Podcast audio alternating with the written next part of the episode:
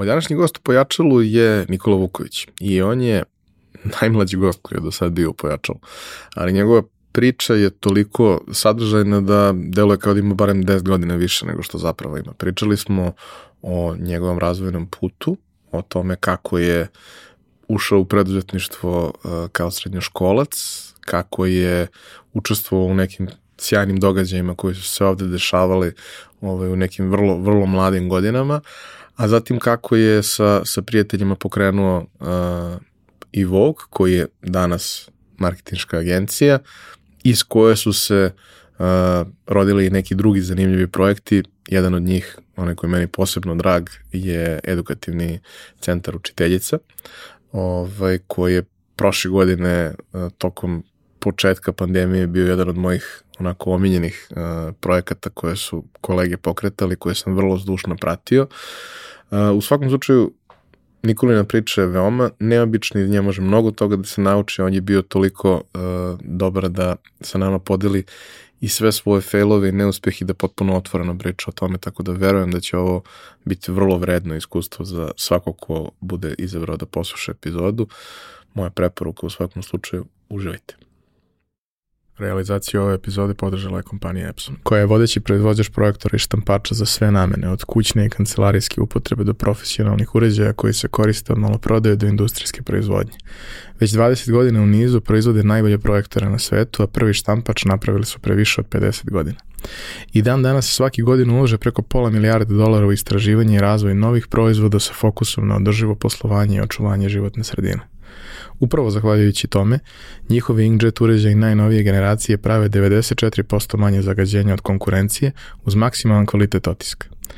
I vaš mobilni telefon koji sada nosite i na kome nas možda slušate i gledate, najverovatnije je napravio robot koji je stigao iz Epsonove fabrike.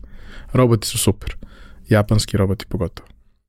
Za slučaj da želite da nas podržite vi individualno, uh, možete da posetite link u opisu podcasta na platformi Buy Me a Coffee i tu možete kupiti mesečnu pretplatu ili jednokratno donirati neki jednost koji želite. Hvala vam unapred na tome.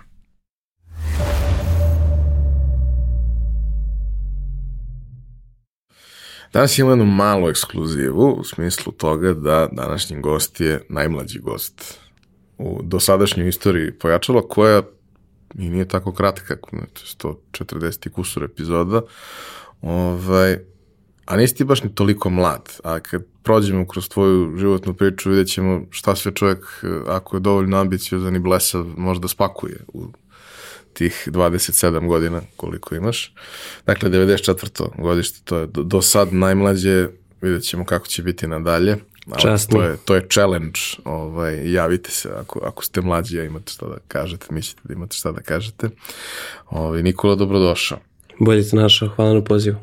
Um, tvoja priča je krajnje neobična i sastoji se iz nekoliko faza koje ovako kad gledaš sa strane baš i nemaju neke veze, ali uvek kad pričaš sa ljudima koji su ono, vremenom postali ono što, što su danas, svaka od tih faza ima svoj značaj, svoje mesto i svoj nekakav deo ovaj, tog pazla. Pričat ćemo o tome, pričat ćemo o tome šta si sve radio kroz uh, život, na čemu sada radiš, ali uh, prvo i osnovno pitanje kao i za sve ostale mančmelo pitanje, šta se te budeš kad porasteš?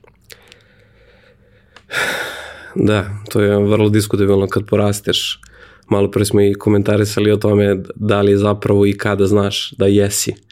Ali da, odgovor na to pitanje recimo da ima više nekih opcija, takođe faze i sve jesu kao i moj put uzračno posledično što je dosta zanimljivo, iako nisu nužno povezane. E, sportista, odbojkaš, ubrzo zatim sportski komentator, e, glumac i tu sam se negde amaterski oprobao i dosta sam negde imao i uloga i angažmana. I finalno, pa ne znam, da, ne, neki miks toga, recimo novinar je bila neka posljednja ideja, uh, zato što sam sve to vreme voleo da pišem. Kad kažem sve to vreme, sećam se da to je jedna neverovatna uspomena i hvala moje majici na tome. Uh, kada sam bio jako, jako mali, uh, gledali smo Ninja Kornjače, i imali smo tu rutinu da nakon epizode Ninja Kornjače, ne znam kako se desila ta prva, ali je postala tradicija. E, suštinski sam ja njoj prepričavao tu epizodu koju smo gledali. Ona je to pisala rukom u realnom vremenu. Mislim, to izgleda urnebesno. E, ali je glavna fora da te epizode nisu baš izgledale tako kao što su bile i sekund pre kada smo ih pogledali. Ja sam tu dodavao neke stvari. O, ovaj, tako da to je taj neka nit zapravo koja se, koja se provlačila kasnije. E, ja sam, ne znam, na provokaciju nastavnice srpskog jezika u, u gimnaziji uh, napisao zbirku pesama u trećoj godini srednje škole. Uh, zove se Azbuka, nikad objavljena. I to mi je, na primjer, bila kad sam rekao malo pre novinar, možda je zapravo to, to samo suštinski pisac koji može da živi od toga, pisac koji može to da naplati. Primenjeni pisac. Da, da. Ovo, ovaj, tako da da, pisac, ovaj, ko zna jednog dana. Mislim, trudim se da negujem to, ali prethodnih 9-10 godina samo za, za svoje oči. Um, kroz to neko odrastanje i formiranje kroz koje svi prolazimo, uvek nas povuku neke stvari. Ti si se bavio odbojkom, ja sam se bavio odbojkom, svi koji su se bavili odbojkom uglavnom znaju zašto ih je taj sport privukao s jedne strane. Cela ta priča o toj generaciji koja je bila neverovatna i predivna i sam sport koji je toliko fair, pošten, dinamičan, lep, ovaj, bezkontaktni, što isto ima svoje prednosti, ima i neke mane, ako ćemo iskreno, naravno, ali, ali ima svoje specifičnosti, ali to je uvek samo jedan deo, kažemo, nekog pazla. u, u, u celom tom odrastanju svakog povuče nešto naleti na neka zanimljiva interesovanja, naleti na neke ljude koji ga inspirišu i koji mu daju neku ideju, upale mu neku led diodicu u glavi, ovaj, šta bi moglo, gdje bi moglo, kako bi moglo, šta ima smisla probati. Naletiš na neke ljude koji ti pokažu da nešto što si mislio da je nemoguće, ipak nije nemoguće. Ko su bili ti ljudi, ko su bili ti, koji su bili ti trenuci u tvojoj tvom odrastanju? Da, prelepo pitanje. E, kada si započeo pitanje, pa mi je na pamet Vasa Mić. Imao sam prilike da ga upoznam, pozdrav za Vasu. E, A vi ste generacija, ja mislim. ili on je 93. ili 94. nisam siguran. Vas Mić. Da, ne Vasa Mić. Vasa Mić je 93. Ne, prelepo, prelepo što je ovaj, Vasa Mić e, ima 27 godina, kompliment si mu dao jedan neverovatno. Skoro sam ga video zapravo i ne izgleda kao da ima. ne izgleda, ne izgleda. I nema.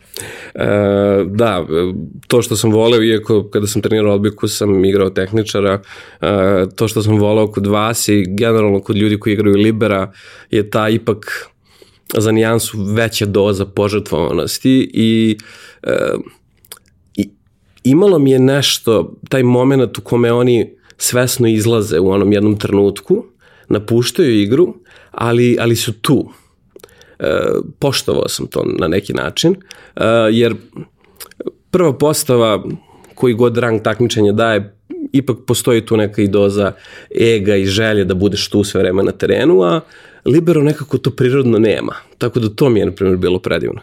E sad, negde u nastavku, pa verovatno onako znakovi pored puta i mnogo nekih ljudi, e, ali e, mislim da negde tek na početku srednje škole uh, su krenule da postoje neke stvari ili osobe ili grupe ljudi koje su me motivisale.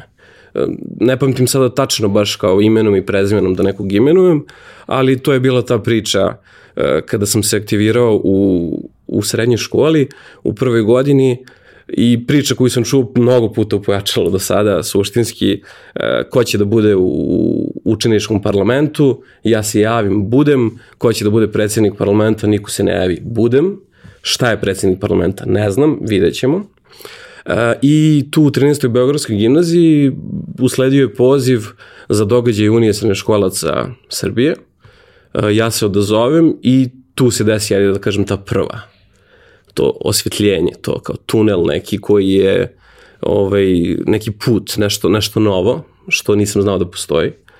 I ajde da kažem da negde od prve godine srednje škole pa sve do danas ta jedna vertikala mog delovanja i interesovanja uh, je započela tada, kada sam prvi put zakoračio na događaj Unije Srednje škola Srbije i kasnije kroz 4-5 godina prošao kroz različite uloge u, u vođenju te organizacije i negde koordinisanju različitih aktivnosti i projekata. Uh, i finalno kao negde alumni član sam i dalje na neki način uključen i trudim se koliko god mogu da, da pomognem uh, mladim srednjoškolcima koji suštinski izgledaju isto kao i mi tada, samo su negde okolnosti drugačije. Uh, ti si 9 godina mlađi i kad si ti krenuo da, da treniraš odbojku i da se baviš odbojkom, ona je već doživela promene u odnosu na ono kako bi to bilo kad sam ja počeo. Prvo, e, prestale su promene kao e, način dobijanja poena, nego se prešlo na klasično obrojanje poena koje je i danas i drugo, uveden je libero. U vreme kad sam ja trenirao, to nije postojalo. Imao si šest pozicija i to je to, zna se ko u kom trenutku igra odbranu, ko igra napad, ko mora da napada iz zone odbrane u, u kom trenutku i to je otprilike to. Mm, ta promena je ubrzala sport i učinila ga interesantnijim, dinamičnijim, jer pre toga je moglo da se desi da set traje beskonačno, uh -huh. bukvalno beskonačno. Što je nekad zanimljivo, nekad baš i nije, jer neke utakmice su dobre, a neke nisu. Negde je to posledica nedostatka kvaliteta sa obe strane. Ovaj, ali uh, ja sam negde na kraju osnovne škole zbog, zbog povrede uh, morao da prestanem da se bavim odbojkom. Kad si je ti napustio i zašto? Ja sam je napustio, mislim da sam imao nepunih 20 godina.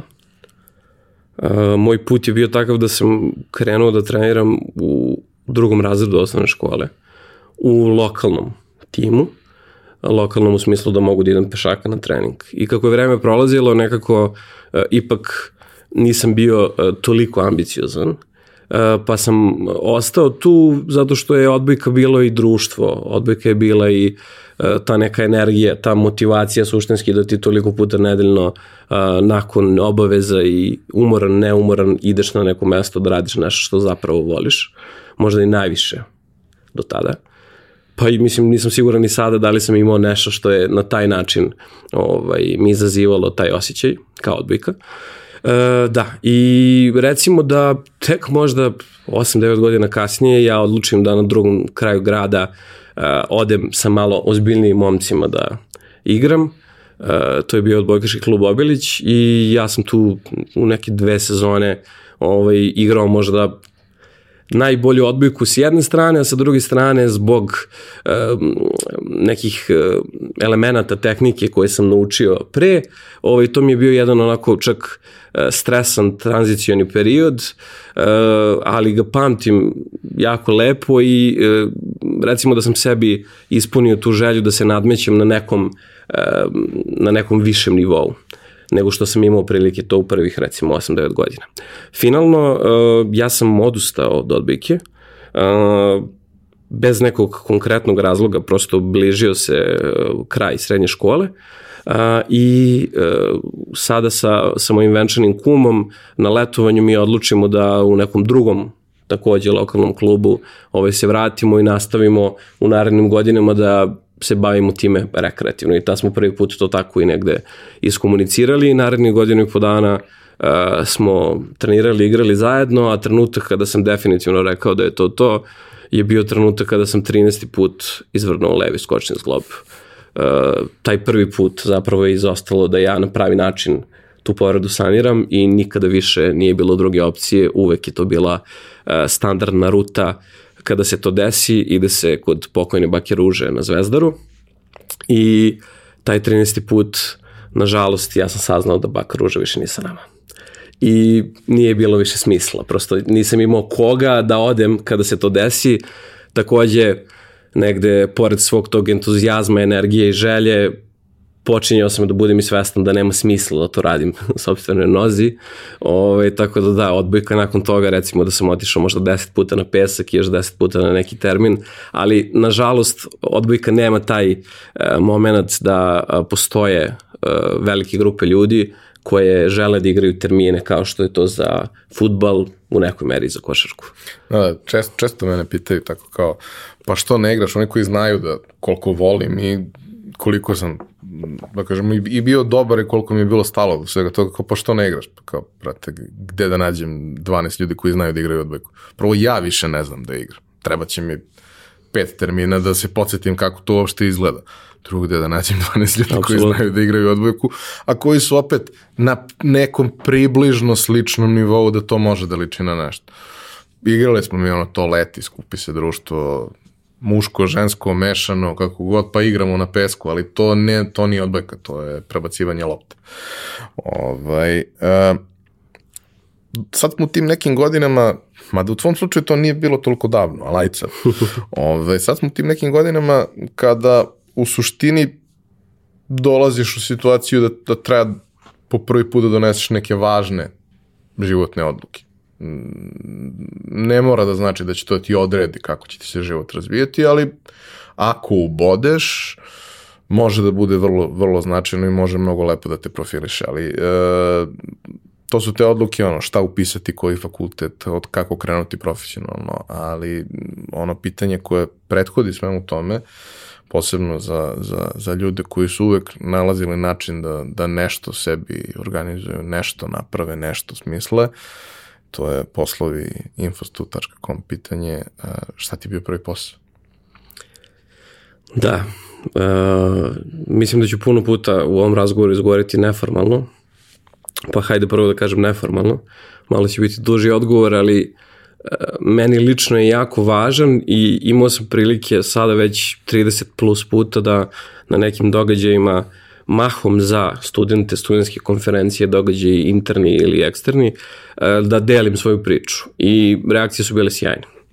Tako da da, uh, sve se desilo na holu 13. Beogradske gimnazije na nekom odmoru, gde sam sa drugaricom koju sam poznavao iz osnovne škole razmenio par rečenica i ključna, ključna, ključna rečenica je gde ideš za novu godinu, recimo da je to bio kraj novembra, naravno ne znam, krajem novembra da idem za novu godinu, a ona mi je iskomunicirala da celo odeljenje ide zajedno na neki doček nove godine na neku lokaciju gde je meni to bilo zapravo čudno zato što ja ne znam da nabrojim imena i prezemena svih ljudi sa kojima idem u školu sad već možda tri meseca nepuna, znači to je početak srednje škole, a oni idu svi zajedno.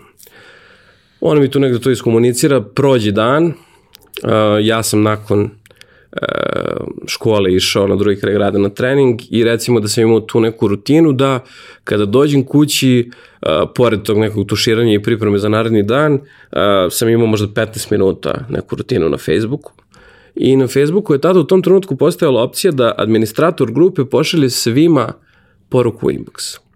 I to su bile neke poruke koje uglavnom samo selektuješ i obrišeš, ali mi je ta jedna poruka dok sam krenuo da ih selektujem ostala u očima, a to je bilo suštinski recimo onako onaj kratak deo koji si mogao da pročitaš. Uh, sportski centar Šumice zaradi novac za doček nove godine, recimo, taj neki, taj neki moment. I ja se setim Ivane koja mi je ispričala to tog dana i ja odlučim da budem malo, ajde da kažem, domišljat, da se javim za početak toj osobi da pitam kako to funkcioniše. On mi objasni da suštinski ja treba da prikupim zainteresovan, uzem od njih novac, odem na neku lokaciju, čak, mislim, prosto jako je smešna lokacija, mi smo se nalazili, uh, mi smo se nalazili u McDonald'su na Slaviji. Ovaj, I ja, klinac, prva godina srednje škole sa punom kovertom nekog novca, ovaj, odlazim, uzimam neke karte, sutradan ovaj, donosim te karte, oni imaju ulaznice za taj događaj. Ajde da kažem da sam ja izmaštao malo neke elemente tu da bi se to desilo. E, nije bilo toliko jednostavno, ali sam eto tad iskoristio maštu. Neko kaže e, slagao je, preuličao je. Ja kažem izmaštao, pogotovo za tako te neke stvari koje nemaju e, lošu nameru nego služe samo kao pomoćno sredstvo. A tada sam recimo ja negde sa Ivanom to iskomunicirao malo drugačije i njima je bilo potpuno normalno da to oni kupe od mene. I ja sam tada započeo nešto što nisam ni znao zapravo šta je. Ja sam uh, nanjušio neku potražnju, recimo te večeri našao način da obezbedim ponudu, sutradan se nacrtao na tom mestu na putu do toaleta ili stepenica i prišao joj. Uh, I ja sam tad zaradio recimo nekoliko stotina evra što je za mene bilo ono, fenomenalno i sećam se, uh, sećam se prve stvari koje sam kupio, to je PlayStation 2. To je bila uh, moja želja čitavog detinstva koju nažalost uh, sticajem okolnosti nisam mogao da imam. Uh, ili možda nije bilo pametno po mišljenju mojih roditelja. Ovaj, ali eto, ja sam to sebi obezbedio i to je, ajde da kažem, neki simbol, kao što neko čuva kao prvi dolar ili prvi dinar, ja imam taj PlayStation. I, i to je samo otvorilo, kao što je Unijesena škola za Srbiju otvorila taj jedan put, ovo je otvorilo drugi. Naravno, osoba koja je videla da sam ja tada, ne znam, 55 ulaznica za neki doček nove godine prodao, me nakon nove godine zove, Eh, ja dolazim na neki sastanak i tu sam bio najmlađi. Na tom sastanku se planira sezona u nekom noćnom klubu u kome se sada ne prodaju baš ulaznice, nego rezervacije, ali i ulaznice i rezervacije, ja brzo, vrlo brzo to sve shvatim. I sad da ti negde tih nekoliko godina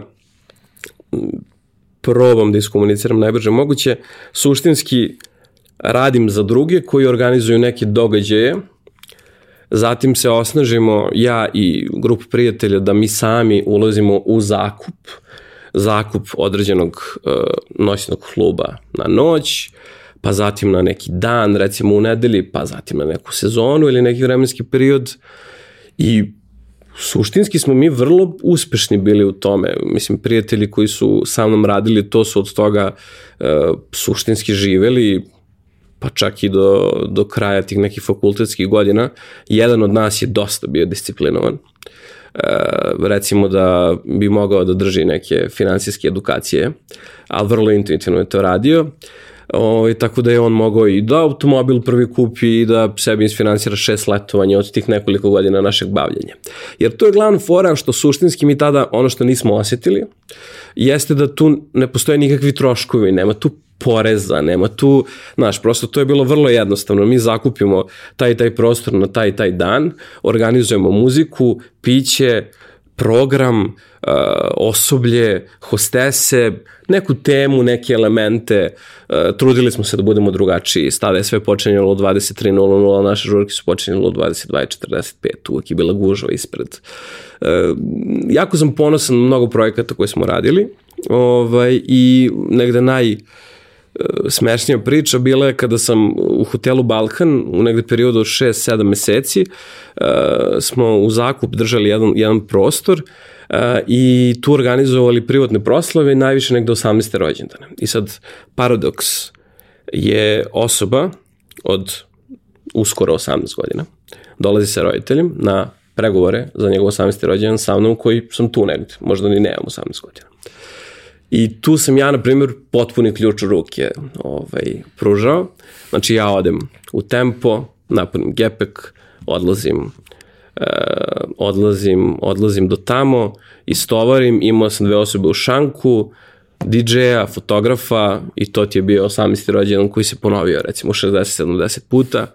Ovaj, tako da da, puno nekih lepih divnih situacija koje su negde uh, bile paralelno sa tim uh, omladinskim aktivizmom.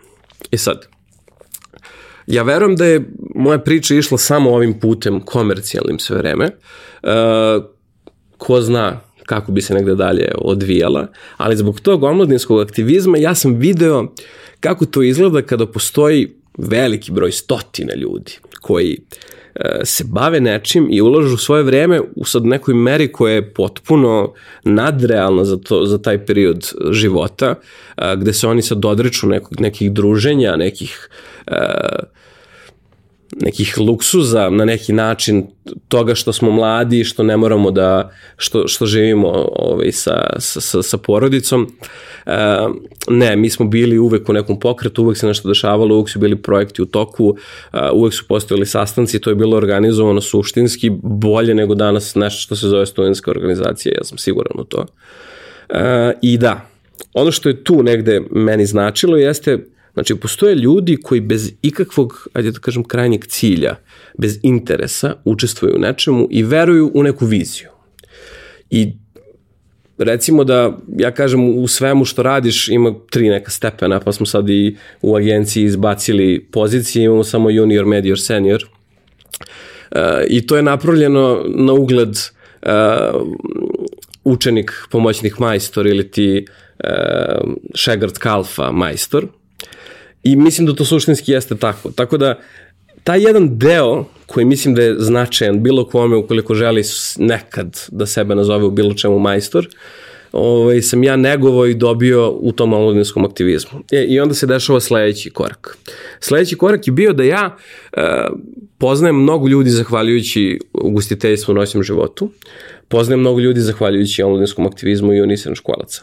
I dobijam ideju da priđem jednoj turističkoj agenciji i predložim im da napravimo e, parti putovanje za srednjoškolce, a oni su se tada bavili recimo za starije.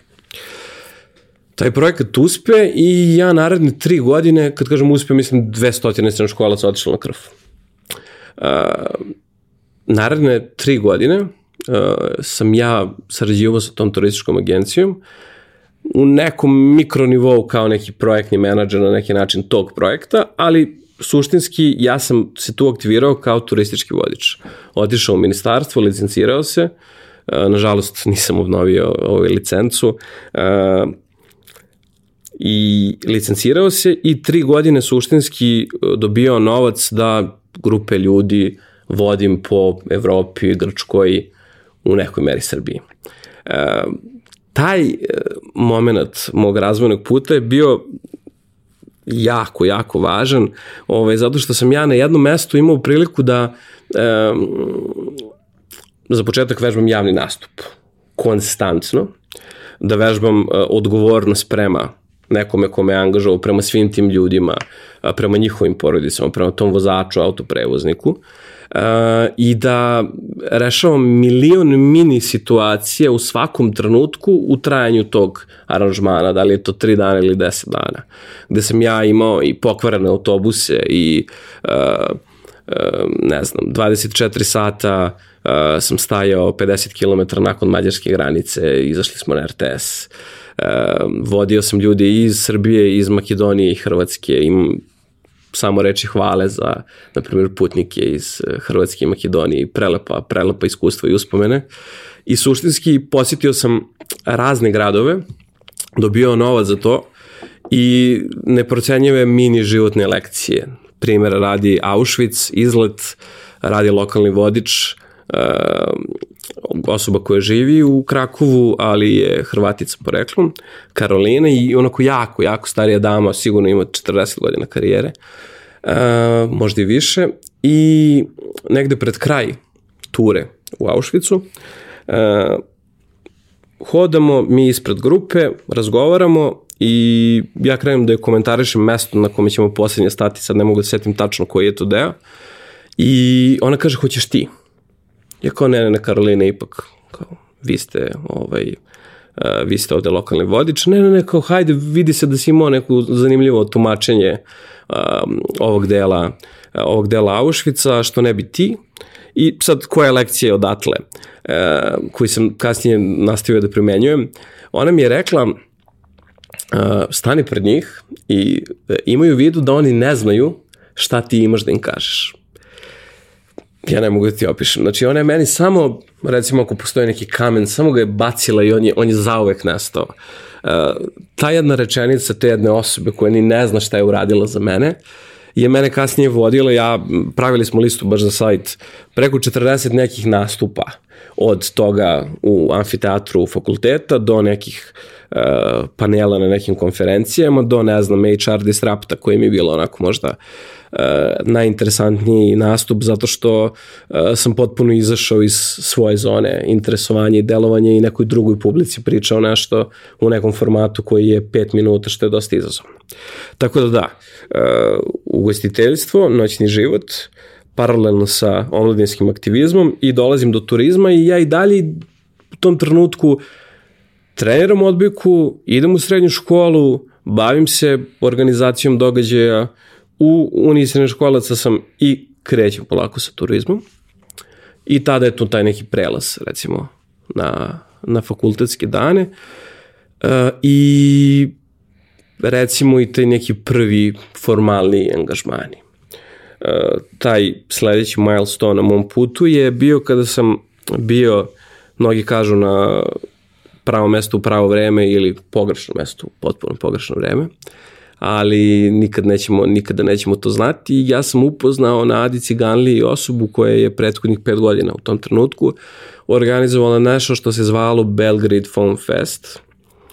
To je bila, mislim, zvala se festival, ali ne može da se zove festival elektronske muzike ukoliko traje samo jednu noć, tako da suštinski žurka koja ima tendenciju da postane festival. Uh, I u tom nekom trenutku kada sam ja njega upoznao, bilo je upitno da li će se to nastaviti u, negde u kom, uh, u kom formatu.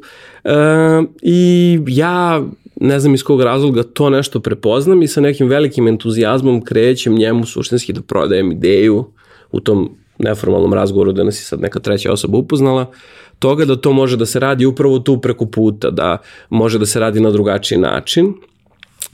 I mi te prve godine uradimo test verziju, bila je na Adi Ciganli, na kraju makiške strane i takođe je trajala jednu noć i ta godina je bila zapravo godina u kojoj će se videti da li će neki potencijalni investitori da ulaže u taj projekat. Kroz neke, uh, ajde da kažem, uh, privatne konekcije tog idejnog tvorca mi dolazimo do investiranja i ja narednih godinu dana se bavim Belgrade Foam Festom koji je uh, bio sve samo ne Foam Fest. Idejno vrlo interesantan projekat, uh, koncept 72 sata programa bez prestanka, uh, bina na vodi, na plaži u šumi, kam za posetioce, jako zanimljiv muzički program. Mi smo tada, ne znam, Ben Kloka, koji je jedan od poznatijih tehno izvođača prvi put doveli u Srbiju, to suštinski niko više ne zna. Uh, puno neverovatnih iskustava koje sam poneo u, to, u tom putu, to je bio neki tim od recimo 30 ljudi koji se, koji se bavio time, a ja sam na neki način bio koordinator, osoba koja je osoba koja je osmislila festival, uh, zadužila da upravlja i deluje u njegovo ime. I verovao sam u viziju i verovao sam da će na kraju tog leta da ostane neki novac i da ću ja dobiti neki moj običani procenat koji suštinski nisam ni imao na papiru. Šta je negde lekcija iz, iz, iz toga? Možda ne lekcija, nego zanimljivost.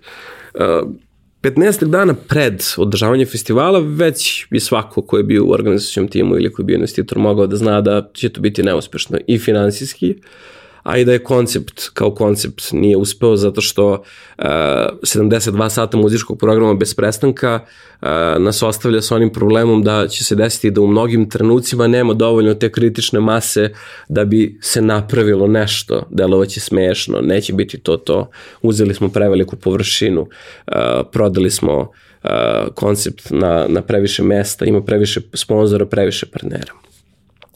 I to je bilo fenomenalno iskustvo. Ja sad idem u zgradu Telekom Srbije, imam 20 godina i ja im prezentujem sponzorske pakete. Mislim, to je meni bilo sjajno. Uh, I da, dolazi dan festivala, počinje. Od svih ljudi koji su učestvovali u organizaciji, sem izuzetka uh, Nikola Neškovića koji je bio tada ovaj, u toj ekipi, uh, niko drugi nije bio tu došli su, svratili su u nekom trenutku, popili su piće, imali su neka mini zaduženja, ali su na neki način, i sad ako sam nekog zaboravio, a gledate ovo, nemojte mi zamiriti, ali na neki način ostao je taj gorak osjećaj da nisu bili tu, a to što je negde glavno u toj celoj priči o meni jeste da sam ja spavao u automobilu u iza kampa za posetioce na kraju Adi Ciganlije na nečemu što se sad zove, da, nudistička, nudistička plaža. Na tom, na tom potezu je bio festival. Ja sam tu spavao, nisam otišao sa tog mesta, rešavao sam potpuno absurdne probleme a, i komunicirao sa svime i svakim. A, možda nešto čega se sećam je Uh, bliži se veče, polako se bliži mrak, u tom trenutku jedan od proizvođača mobilnih telefona je imao super blještavu aktivaciju na VIP zoni uh, i nema struje. Ne mogu da upale, ukoliko to ne mogu da upale neće biti aktivacije te noći, ako nema aktivacije te noći postoje penali, osoba koja je zadužena za to nije u tom trenutku na lokaciji, ja ga zovem telefonom, on mi objašnjava i ja ispod konstrukcije, po onom, po onim kamenčićima na Adi, ispod konstrukcije idem, a stvarno ne delujem previše agilno za takve poduhvate, idem, odlazim do mesta koje mi je objasnio, gasim ceo red frižidera, palim njima, uh, palim njima aktivaciju, uz mini konsultacije rešimo i te frižidere, ja se vraćam i nastavlja se žurka dalje. Uh, čak su nam posljednjeg dana recimo zabranili da se festival traje do ponedeljka u 6 ujutru, već nam skratili do 18 časova, što nam je poremetilo line up i mene zauvek, zato što ja nisam bio donosilac odluke tu i možda sad i po priči ovaj, ti to može tako zvučati, ali sam bio taj front, frontman, bio sam taj prvi tu i mnogi su videli mene, nisu videli to iza. Uh, tako da može i dan danas da postoji mnogo nekih ljudi koji nisu imali priliku da nastupe, a dogovoreno je i meni je neverovatno žao zbog toga. Ovaj, taj uh, festival je završen sa nastupom uh, holandskog DJ dvojica koji sam igrom slučaja ja bukirao, što je takođe jedno zanimljivo iskustvo, uh, potpuno spontano i da, tada se to završilo, ja se sećam najbolja drugarica i Sonja, sada supruga, ovaj, mi donose neku hranu i ja sedam negde malo iza, recimo iza nekih ono, toj toja da me niko ne vidi i krećem da plačem. Nisam puno puta ispričao sad ovu priču sa ovoliko nekih ovaj, detalja, ali taj trenutak je bio divan zato što ja sam siguran da sam ja, kao Nikola Vuković, dao sve što je bilo u moje moći. I tu nema šta dalje. Znaš, prosto, ja nisam bio vlasnik kapitala, ja nisam bio osoba koja ima iskustva u organizovanju 150 ljudi uh, koja se bavi, ne znam, strategijom, pa da ja u tom trenutku mogu uh, da kažem, e, ovo sam mogao bolje, ovo sam mogao bolje. Ja sam prosto pratio neku priču, pratio neki osjećaj i dao sebe, recimo, tih nekih godina i po dana ovaj, u potpunosti. I to iskustvo mi je pomoglo da upoznam puno divnih ljudi, da ovaj, steknem neka prijateljstva za život, ali takođe da ovaj, znam da kada imaš neki ono stari laptop i Excel tabelu sa ne znam, pola miliona evra troškova za nešto, ovaj, to nije dovoljno. Nije dovoljno imati, imati budžet, eh, šta više, mislim da je to što moj sadašnji partner u poslu kaže, e, hajde da mi vidimo kako ćemo da napravimo ovu strukturu, kako ćemo da napravimo da ovo funkcioniše, lako ćemo za novac. Jer na kraju ispostavi se da lako ti dođeš do nekog novca, ukoliko to što radiš radi. Da, ukoliko ima smisla. Belgrade Film Fest, Nadi Ciganli, uh, ideja tog nekog ono, beogradskog egzita, ali koji se zove Belgrade Film Fest, zato što je osoba koja ga je osnovala želela i nije htjela da pusti taj foam moment, iako nije bilo pene. Znači, uopšte nije bio koncept takav, ovo je nama odbilo sigurno možda desetine hiljada ljudi koji nisu htjeli da idu sa klincima u penu da slušaju, ne znam, Sonic, ili Ben Clock. Mislim, Sonic potpuno ono, nadrealna priča. I ti izvođači, mislim, ja ne mogu ti opišem kako se to priča. Ja sam to prvi put saznao šta znači rider lista, pa sad njihovi zahtevi, šta žele da im bude u backstage-u su potpuno neverovatni. A Sonic, ili znaš, da? Da. Uh, je imala najjednostavniju rider listu na svetu. Hotel 5 zvezdica, prevoz, aerodrom, hotel, hotel, uh, mesto događaja, mesto događaja, hotel, hotel, aerodrom i flaša konjaka. Tačka. Tačka. Ona je tu flašu konjaka popila do početka nastupa. Na nastupu je, ne znam, uzela srpsku zastavu iz publike, bacila su publiku. Mislim, u teoriji ima puno toga lepog iz ove priče. Ja sam je možda malo mračno ispričao, ali da, bio sam tu i to je nekako odredilo mene. To sam ja. Ja sam taj koji, uh, neću da kažem ne odustaje, zato što mislim da je zdravo odustati, uh, ali ja sam taj koji ne pušta stvari kada dođu u, u, u tu fazu kada prosto nema dalje. Nisam teo da izneverim sve te ljude koji su poverovali u, u taj projekat. Kao što sam i ja verovao do posljednjeg trenutka. Da. I recimo mesec, dva kasnije, mesec, dva kasnije se dešava taj neki prvi moj lični preduzetnički poduhvat, iako u teoriji svašta nešto iz ovoga prethodno ispričanog može tako da se tumači, ovo gledam kao nešto prvo, jer imalo je neku formu, uh, u tom trenutku partner i ja smo zajedno pokrenuli nešto što se zvalo Iznenadime. Na domenu Iznenadime RS je postojao sajt na kome suštinski osoba može da poruči personalizovani poklon ili iznenađenje. Iznenađenje u smislu da smo radili, ne znam, E, bioskopska projekcija, uđe 15 ljudi, 8 ljudi se išunja i u trenutku reklama se desi neki video koji je snimljen za osobu koje, na koj, e, koju želimo da iznenadimo. Radili smo prosjedbe, radili smo dosta nekih onako i sitnih gluposti, cveće, čokolade, mede i slično. Ovo, imali smo jednu poručbinu, na sajtu je postojao medved, ja ne mogu setiti koliko metra, možda tri, možda i više I stavili smo ga, lupili cenu, nismo ni uradili kalkulaciju uh, i neko ga poruči. I kao kako šta, mi na neki način nešto tu ismislimo i u stanu kod prijatelja uh, to što nam je krojačica sašila, mi krećemo da punimo. I mi napunimo tog medveda i to bilo mislim, u tom trenutku prelepo i recimo sat vremena pred uh, trenutak kada je dostava dogovorena mi shvatimo da nemamo kako da izbacimo tog medveda iz stana. Ne može da izađe kroz vrata, ne može da izađe kroz prozor. Uspeli smo na kraju nekako terasa prozor, e, to je bio recimo prvi sprat, vrlo je to bilo ludo, morali smo da angažujemo kamion, kasnili smo sa dostavom, e, ali jedno predivno takođe iskustvo. E, trenutak e, zašto se desilo iznenadi me je e, i prijatelj Marko s kojim sam to radio i ja smo imali situaciju da već sad 5-6 godina unazad u tom trenutku uh, ljudi iz našeg okruženja nas zovu da pitaju ej, idem kod Marka na rođendan, ej, imam sa devojkom godinu dana, hej, roditeljima mi je godišnjica, hej, baki, deki, ovo i slično.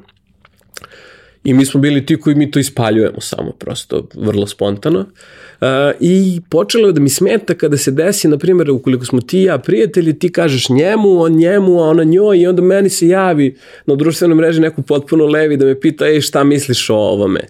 I išao sam do toga da sam ja pisao pesme ljudima, što je, mislim, znaš, ovaj, vrlo diskutabilno sad kad ovako pogledam, zato što to nije iskren poklon, Ovaj, I to što smo radili se iznenadime je zapravo bilo to. Mi smo pomagali ljudima da oni ipak oni poklone ili iznenade.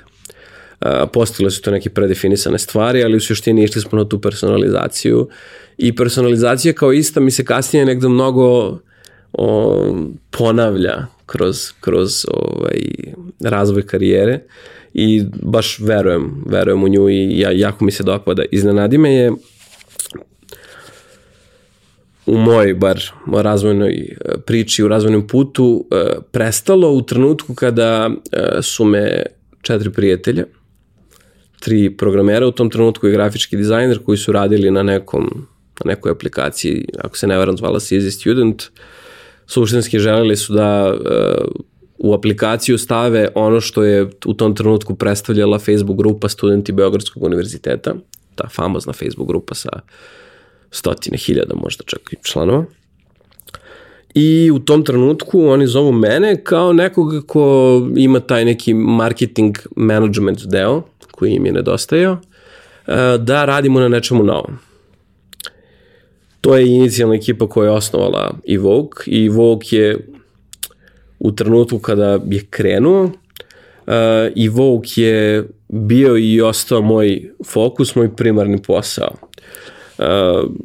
pre nego što negde možda nastavimo u tom pravcu, apropo fokusa, vrlo je lako izračunati da je bilo previše stvari, previše različitih stvari u tom kratkom vremenskom periodu od prve godine srednje škole do možda, ne znam, 22. godine. I radio sam puno stvari u isto vreme i ja duboko verujem da nije moguće sa, hajde da kažem, nekim, nekom željom za, za kvalitetom kao istim raditi pet stvari u isto vreme. i da mora da postoji primarni posao i da mora da postoji tim i da moraju da postoje partneri. Uh, I to sam naučio i na teži ili lakši način kroz različite aktivnosti koje sam, koje sam imao do tada i u trenutku kada je i Vogue krenuo, kada se ta ekipa okupila, kada smo prvi put iznajmili neki prostor i došli kao ok, ovo je posao, šta sad? U tom trenutku ja sam odlučio da sve što sam radio do tada uh, se zahvalim, stavim na hold, uh, ne znam, prodam polovinu projekta, iznenadimo i tako dalje. I tada kreće ta priča koja evo, traje sad već šest godina. E, ali ta priča je menjala svoje oblike kroz vreme. Ti si u principu kroz taj posao najviše i sazreo. Ako možemo da kažemo da si sazreo.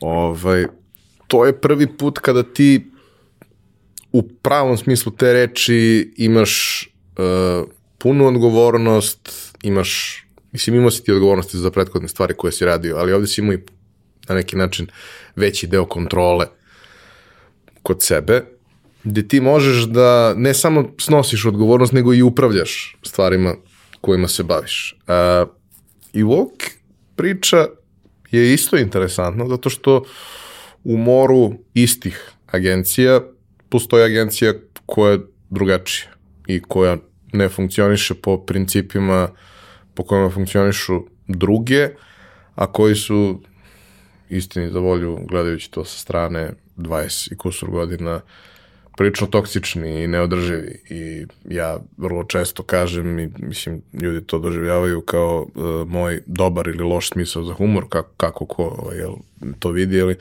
ja često kažem da su marketinške agencije mašine za mlevanje mesa zato što ljudi koji uđu u to ok, napreduju brzo, dođu relativno brzo do dobre plate, imaju pa mogu da kažu da rade nešto što je cool, rade sa klijentima koji su veliki, ali posle dve godine pobegnu u Vijetnam na šest meseci da ne vide kompjuter, pametni telefon ili bilo šta slično. I to je kao pattern koji se ponavlja iz, iz, iz ciklusa u ciklus. A uh, vi ste negde napravili priču koja je, ok, menjala je svoj oblik i pričat ćeš i taj deo, ali koja je nekim normalnim tempom rasla na nekim zdravim osnovama i koji danas funkcioniše na nekim prilično zdravim osnovama, a kažem, to nije baš karakteristično i uobičajeno za industriju u kojoj se juri svaki klijent, juri svaki projekat. A, krenuli ste vas uh, petoro uh mhm. -huh. u nešto što je u suštini nije bilo marketinška agencija, bio tehnološka kompanija, ajde, nazovimo to tako. Start. Kompanija, da. Ne, nešto. nešto. Nešto. Gajba. Gajba sa ljudima. Ovaj, šta se dešavalo dalje? Da, mi smo se okupili i uh, jedna od osoba je pročitala Lean Startup i to nam je dalo svu pamet sveta koja nam je potrebna za, za naredni period. Suštinski šta je bila ideja? Da e, osmislimo nekoliko različitih e, potencijalnih projekata, samo konceptualno, da postavimo landing page-eve, pustimo kampanje i da u zavisnosti od negde povratne informacije koje, koje dobijemo kroz te landing stranice, vidimo gde ćemo ići dalje u kom pravcu i šta možemo da uradimo apsolutno sami, a za šta nam je potrebna neka podrška. I to su bili sad negde meseci iza toga, mi smo u tom nekom periodu, to je februar 2016. Recimo da u 3-4 meseca od tog trenutka uh, se dešava i da dolazimo do neke apsolutno revolucionarne ideje. Uh, nasmeću se na, na tu reč. I stvarno smo negde verovali da smo osmislili nešto što je ovaj, niko nije osmislio do sada. I dosta smo istraživali da bismo se uverili u to i došli do toga da čak osoba koja je investitor sa Kipra sedi sa nama u centru Beograda na sastanku. I sastanak se završava sa ok, I'm in uh, gde smo mi mislili da smo mi prešli igricu za 3-4 meseca. Međutim, nismo. Međutim, uh, zbog treće strane, ta naša ideja u koju je investitori poverovo i mi, ovaj, prosto nije bila moguće da se, da se, da se realizuje i u Srbiji, a i bilo gde na svetu. A srećom negde bila je vezana za telekomunikacije, srećom telekomunikacije su išle u tom pravcu da uh, to danas ne bi imalo nikakvu vrednost. Mislim, mogu i da ti ispričam ono kao ideja je bila da suštinski ljudi imaju neke poruke i izvinite ako sam zaboravio neki deo ideje, ali imaju neke poruke koje im ostaju svakog meseca u svojim paketima, kada bi oni neke aplikacije dali te poruke na korišćenje i za to dobili neki minimalan novac ili neki benefit, a te poruke mi koristili za bulk SMS, to bi bio jedan super zanimljiv sistem da ima neki trogo različitih, različitih interesnih strana. Ja, I se fino ovaj dio od toga, meni su uvek ostajale stotine hiljade poruka koje nisam koristio, jer kao zašto bi neko koristio poruke od kada ima iMessage, ali okej. Okay. Mislim i to još pogotovo. A posle ali... došao Viber, WhatsApp i sve usluge koje oni nude. Ali da, mislim, to jeste bio jedan, i dan danas, mislim, na paketima imaš gomilu tih nekih parametara koje u principu ne služe ničemu. Zato su sad i rekli neograničeno, ja mislim, u većini slučajeva. Zato što, da, to jeste neograničeno. I skroz je okej, kad imaš neograničeno, ti nemaš potrebu da potrošiš što više neograničeno, zato što je to to, ti možeš koliko god želiš. Tako da da, ta ideja sada ne bi imala smisla, ali tada dala nam je neka krila i paralelno sa time e, mi prihvatamo spontano po neki projekat. Znači mogli smo mi tu da uradimo u tom trenutku neki grafički dizajn, neki prezentacioni sajt, možda čak i neku online prodavnicu. E, u tom trenutku e, dve od pet osoba rade, imaju svoj primarni posao, rade u u IT kompanijama, jedan na razvoju iOS aplikacije, jedan u Microsoftu. Uh, mi suštinski ostajemo nas trojica u kancelariji, ali nas je u teoriji petorica i radimo različite projekte pored za druge, pored suštinski rada na našim idejama. Uh, zašto radimo za, za druge? Da bismo imali novac da funkcionišemo koliko toliko, ali bez nekih ambicija da to ide u nekom pravcu dalje. Uh, oktober, recimo koliko je to sad, ne znam, 9-10 meseci kasnije, mi shvatamo da radimo više za druge nego za nas same i da treba da vidimo kuda ide ovaj brod. I u tom trenutku donosimo odluku da budemo u narednom periodu ono što smo spontano postali i mislim da je to možda ključan trenutak u našoj priči. Mi nismo sedeli u kafiću i rekli hajde da napravimo agenciju za digitalni marketing ili hajde da napravimo marketing agenciju ili hajde da napravimo nešto. Mi smo se okupili da radimo to, to, to i to, a na kraju smo postali to. E sad, to U tom trenutku smo komunicirali kao digitalna agencija koja se bavi digitalnim marketingom, grafičkim dizajnom, izradom sajtova i aplikacija i odlučili u oktobru 2016. da e, to podelimo sa nekom grupom ljudi sa kojima smo imali kontakata u prethodnim poslovima, aktivnostima, svi su bili u ekipi dosta aktivni i imali su širok networking. I mi smo to uradili, ja sam to uradio kroz Instagram, tu negde, ne znam, snimao neke kratke videoklipove svake nedelje.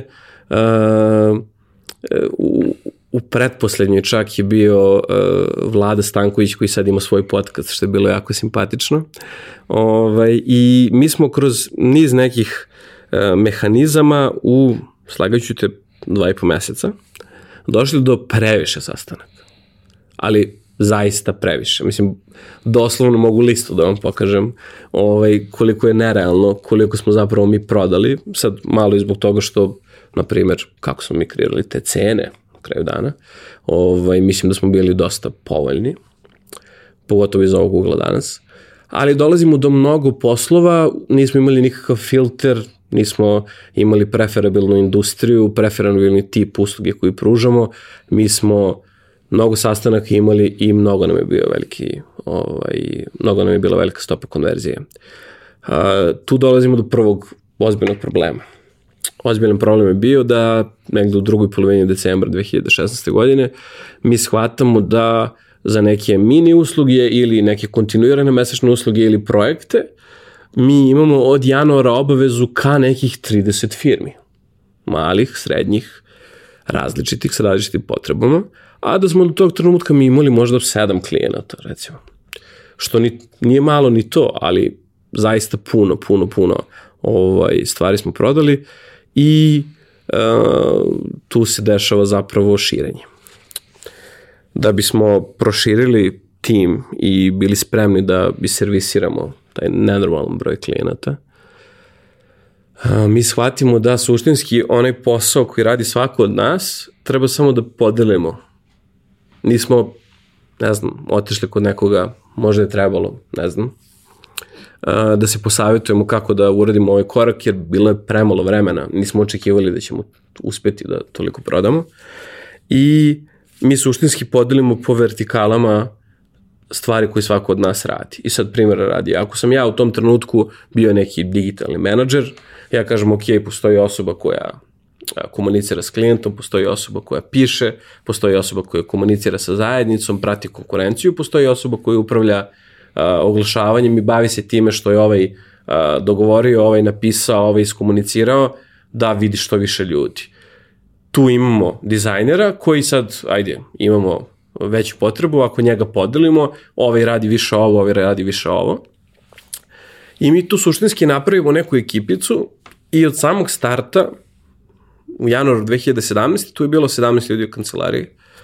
Uh, mi smo od, ne znam, lokala u kome suštinski ne, nema gde da se okreneš i gde radimo na pomoćnom stolu za slavu uh, Lukinom. Uh, dolazimo do toga da uh, imamo neki stan na tri sprata na Banovom brdu, a, gde smo imali novac da kupimo tih 17 računara, tastatura, stolica, a, nekih stolova, kako smo imali novac, tako što suštinski sem za hranu i taj simboličnu rentu za taj lokal, mi apsolutno ništa nismo trošili što smo u 2016.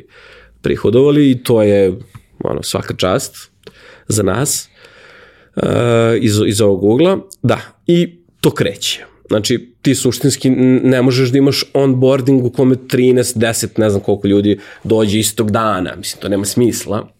I od toga većina na praksu. Plaćenu praksu. U Ivoku su uvijek bile plaćene praksi i verujemo da to mora da postoji tako. Uh, recimo da je došlo 3-4 osobe sa iskustvom, svi ostali ovaj, na praksu i mi krećemo da radimo u tom vrlo zanimljivom porodičnom okruženju I funkcionisalo je u praksi, ali nije bilo održivo zato što a, osobe koje su vodile priču i koje su negde bile motor su imale različite krajnje ciljeve. I mi to nismo znali kada smo počinjali. To smo shvatili prosto kroz rad i mislim da je fair negde to iskomunicirati. Uh, I putevi su nam se nakon godinu i 3-4 meseca i Vouka delili na upravo taj neki marketing i kreiranje softvera, ako mogu onako na najvišem nivou abstrakcije da to podelim. I mi napravimo vrlo jednostavno dogovor, njih četvorica suštinski nastave uh, nastave jednim putem, a ja ostajem i zadržavam nešto što smo do tog trenutka uh, gradili, što smo nazvali Evoke i od tog trenutka Evoke Pa mislim, suštinski nije promenio u tom trenutku uslugu, set usluga, samo smo stvari koje rade oni prosto njima prosleđivali kao podizvođačima. Tek nakon četiri godine od prvog trenutka kada smo se okupili i, i, i kada je Evoke krenuo, je Evoke suštinski pronašao sebe i postao i, i krenuo da postaje ono što je danas i što će tek biti. Šta smo uradili? E, mi smo suštinski po prvi put se otvorili ka nekome sa strane, angažovali smo konsultanta koji je video po prvi put naše tabele, sve naše, svu našu dokumentaciju, sve naše potencijalne klijente, sve naše klijente i još gomilu stvari koje smo morali da uradimo na zahtev konsultanta kako bismo došli do toga da suštinski mi imamo neke informacije koje možemo na neki način da uposlimo da donesemo neke odluke. Kao i mnogi, mislim, mi smo na neki način to već radili za naše klijente, a nismo radili za nas same. I e, svest se potpuno promenila. U trenutku kada smo dva, tri meseca od trenutka kada smo se dogovorili sa osobom koja, e, koja je radila došli do nekih zaključaka. E sad, jedan taj ključni jeste da smo mi odlučili da se u narednom periodu zahvalimo mnogim klijentima koje imamo u tom trenutku i koji su tu sa nama do godinu dana ili recimo taj drugi deo možda do malo više od dve godine. Znači to je sad neki broj klijenata koji je tu, nije dogovoren juče, da im se zahvalimo i da probamo da im pronađemo neku alternativu. Da li da pomognemo nekome iz njihovog internog tima da preuzme deo posla koji smo radili, da im nađemo drugu agenciju, freelancera, apsolutno sve opcije su bile otvorene i svi koji su bili raspoloženi za to su dobili od nas uh, taj servis kao negde znak zahvalnosti što su bili tu. I mi odlučujemo da i Vogue u budućnosti ima negde tri segmenta, tri stuba delovanja. Taj prvi je butik marketing agencija, koja funkcioniše po five clients biznis modelu. To znači da mi radimo samo za do pet klijenata u datom trenutku koji imaju potrebu za uslugom koja je na nekom ne višem nego dubljem nivou. Mislim da je to ključno. Neki pojedinosti tog načina rada je da, na primjer, osoba koja bi po nazivu u, standardnoj, standardnom nazivu agencije se zvala neki key account manager ili account manager, um, sedi kod klijenta. Uh, ima radno mesto. Sedi minimum jednom ili dva put nedeljno tamo. Uh, mi kod klijenata uh, učestvujemo u radu nekih radnih tela, možda vodimo neko radno telo.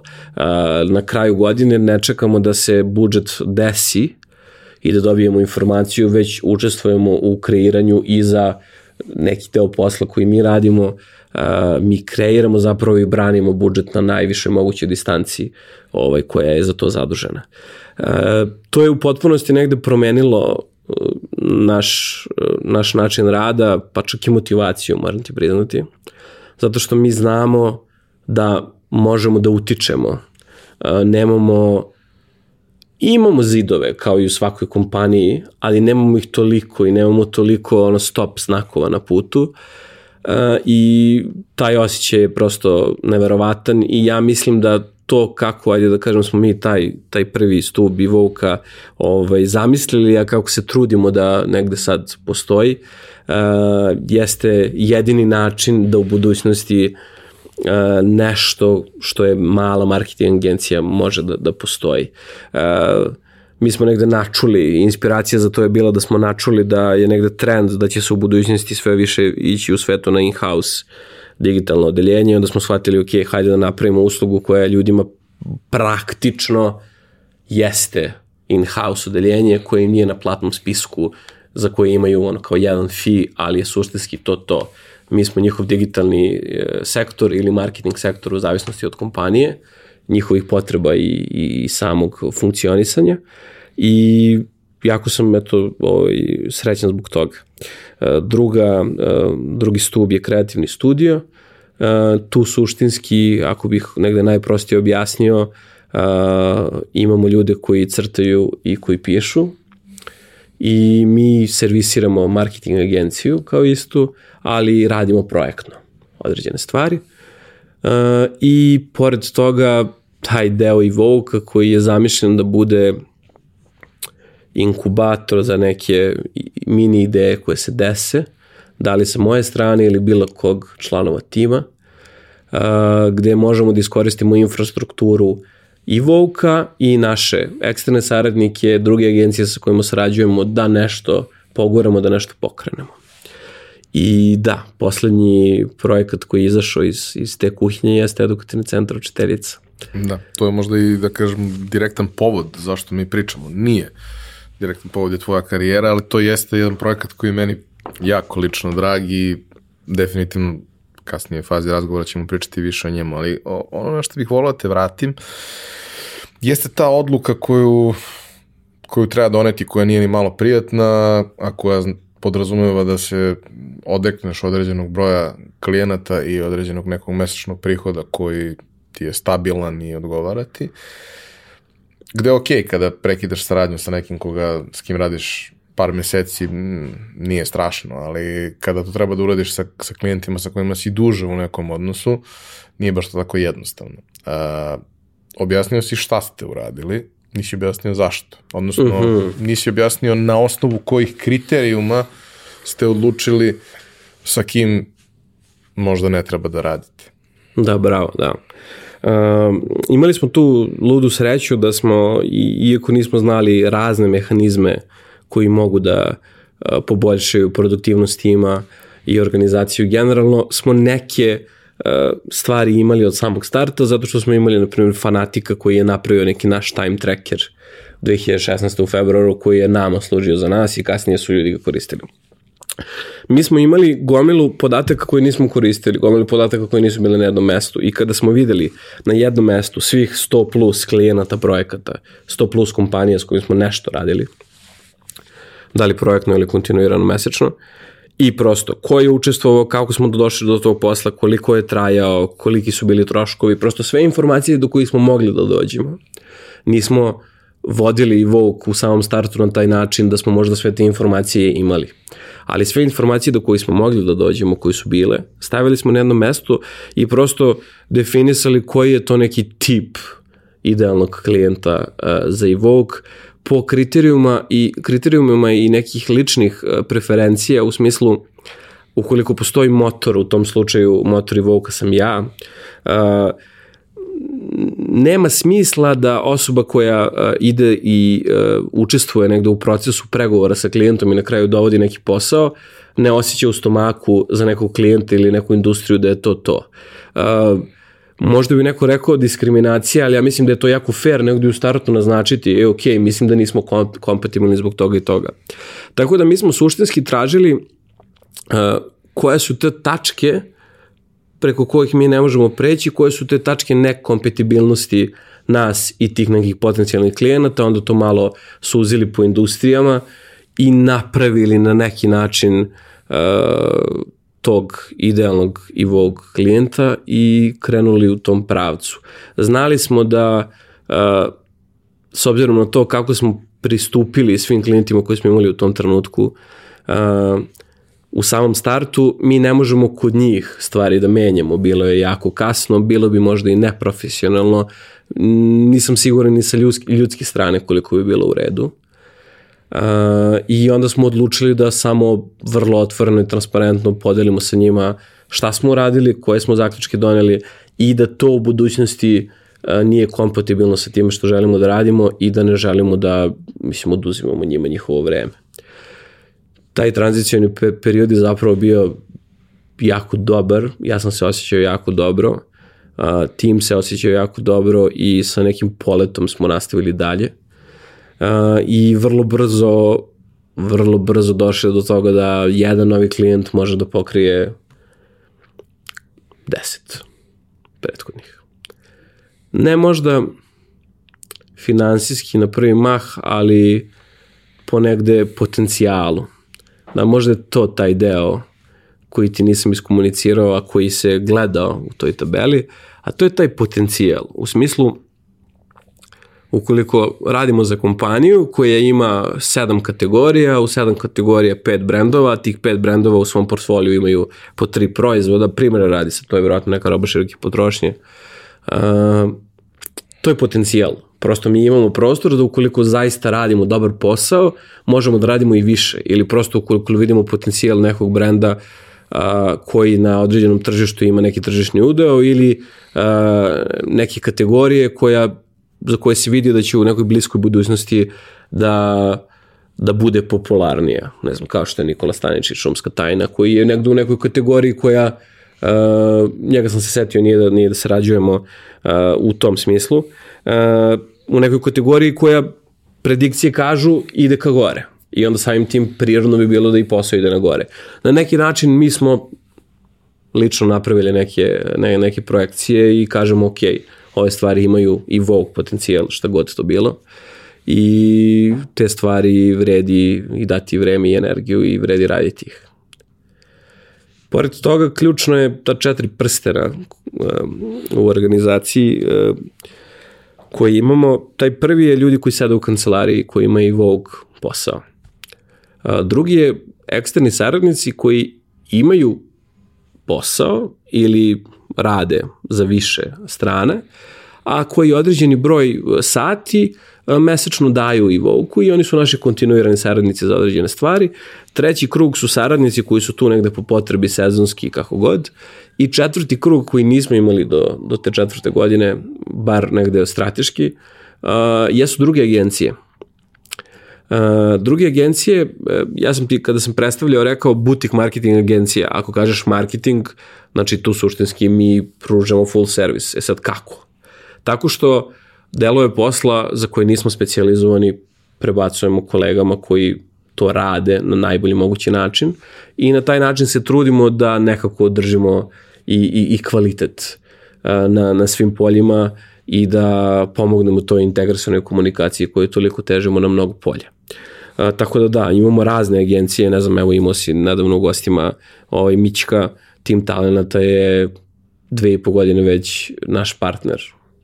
Ovaj, jako sam ponosan na to s obzirom na to da 35 godina istorije o, prosto znali smo da nešto radimo dobro ukoliko nas neko sa toliko iskustva prepozna i odluči da sa nama izađe x puta na neke pregovore, razgovore, da sarađujemo, da, da radimo na nekim projektima zajedno.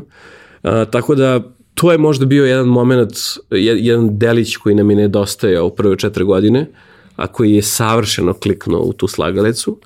Tako da da, sada i Vogue nije Evoke agencija, nego je Evoke Evoke, a u okviru Evoke je marketing agencija, butik marketing agencija, kreativni studio i deo koji se bavi suštinski uh, kreiranjem digitalnih ili nedigitalnih projekata. Nisam siguran da li sam ti odgovorio na pitanje Dobar si, dobar si. Dobro, za nekog tih godina svaka čast. E sad ti, znaš, kao daješ mi suštinski sada opravdanje ukoliko sam upio nekog lupa. Uh, ne, uh, lepo si to rekao. Uh, međutim, ono što, bi, što hoću da pričamo još, mislim, pričat ćemo, ima tu još stvari koje treba da prođemo. Ali uh, u tom periodu sazrevanja i tranzicije i voka kao priče, se desio jedan projekat koji je meni jako draga, koji je neuspešan, mm. koji bih voleo da podeliš prvo kako je ono do njega došlo, onda šta si naučio iz svega toga. Uh, potekao je iz agencije, uh mhm. -huh. ali se pretvorio u priču sa sebe. Uh, samo me molim te reci Sportrooms. Sportrooms, da, okej. Okay. Sport Rooms, sobe za gledanje sportskih događaja. Da.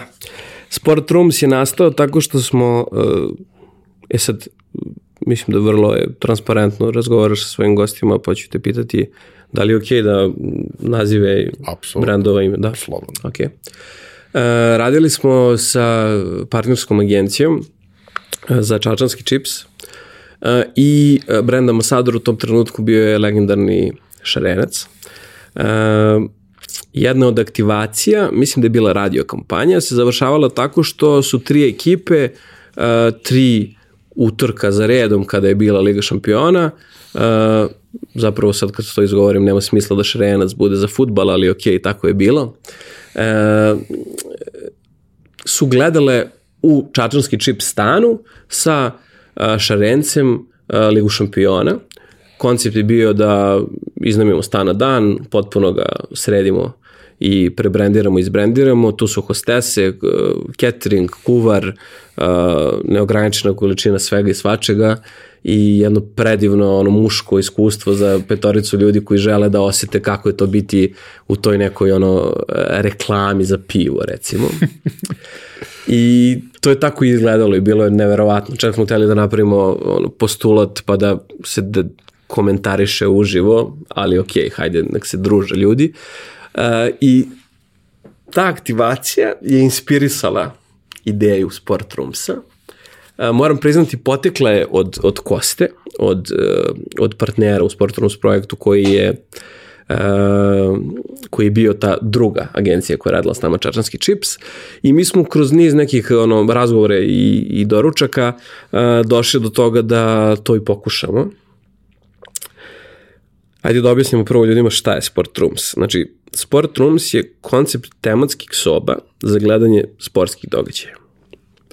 I bio je zamišljen da uh, uh, mala ili malo veća, recimo od 3 do 10 uh, ljudi, uh, može da dođe na neko mesto, da tamo ima neograničenu konzumaciju piće, hrane, grickalica, i neki servis po potrebi, ali da imaju svoju slobodu i da u tom nekom ambijentu koji je drugačiji nego kafić, dom, pogotovo kad imaju, ne znam, malu decu i slično, mali stan, što je, mislim, živimo u gradu, da imaju tih svojih tri sata da odgledaju šta god, Formula 1, MotoGP, tenis, futbal, košarku, vikend, radni dan, 4 ujutru, NBA, nebitno. Uh, I da, to je bila neka inicijalna kapislava ideja. Mi smo bili ubeđeni da ćemo mi time rešiti jedan veliki tržišni problem, a to je uh, ljudi imaju potrebu da odu na neko mesto da na miru sa svojim prijateljima, sami šta god, ali uglavnom sa svojim prijateljima ovaj, pogledaju neki sportski događaj. E sad, u taj projekat smo ušli jako srcem, sa puno entuzijazma i mnogo smo verovali u njega, mnogo smo koraka preskočili u pripremi, neopisivo mnogo. E, ono što govori knjiga Mam test, Znaš, prosto mi smo postavljali ljudima sugestivna pitanja, znači ja ti sad ispričam ovo i kažem jel da li ti se dopada, mislim super jel da, i ti klimaš glavom, mislim, i onda smo tako... S tim što meni se stvarno dopada. Dopada, ali, što ne znači da ali nisi bio, da. znaš. Uh, moj venčani kum, uh, ne znam, gleda tri sportska događaja nedeljno uh, van kuće. Ali nije bio u sport roomsu. Znaš, nije bio u sport roomsu, nije bio u sport roomsu zato što gleda negde gde izađe iz grade i treba da hoda 3 minuta. Gleda negde gde odgovara i drugima iz njegove ekipe. Znaš, prosto ima toliko faktora. Znaš, prvo, uh, all inclusive, znači i, i, ideš da cirkaš, a treba posle da se vratiš, to je subota u tri popodne, nema smisla, znaš, na primer, ako hoćeš da gledaš lupom premier ligu. Tako da, bilo je tu puno negde nedostataka i mana, ali ono što smo mi uradili i sad iz neka dva zdrava biznisa, mi smo na entuzijazam upumpali neki novac u neki lokal na Novom Beogradu uh, i napravili tri tematske sobe. Tri tematske sobe koje su bile zamišljene uh, mini bioskop, dnevna soba i stadion. Stadion, znači veštačka trava, tribinice, ograda, šank, uh, ogroman televizor i pomoćni televizor, reklame čak pored, on kao pored terena. Bioskop jako ovaj, mračna poštorija, nešto, nešto naliko ovome. E, prava bioskop sedišta, projektor, mislim, sve. Znaš, dnevna soba, možda meni omiljena, udoban kauč, klub stoji ispred, uh, šank iza za ostatik ekipe koja gleda na taj način. Imali smo u svakoj sobi PlayStation, ukoliko žele na pauzi to da urade ili da uopšte i ne gledaju ukoliko se iznerviraju, na primer. O, bilo je tu predivnih iskustava i predivnih trenutaka, ali jedna od ključnih stvari uh, u tom projektu jeste da uh, nije postojala osoba koja je to primarni posao.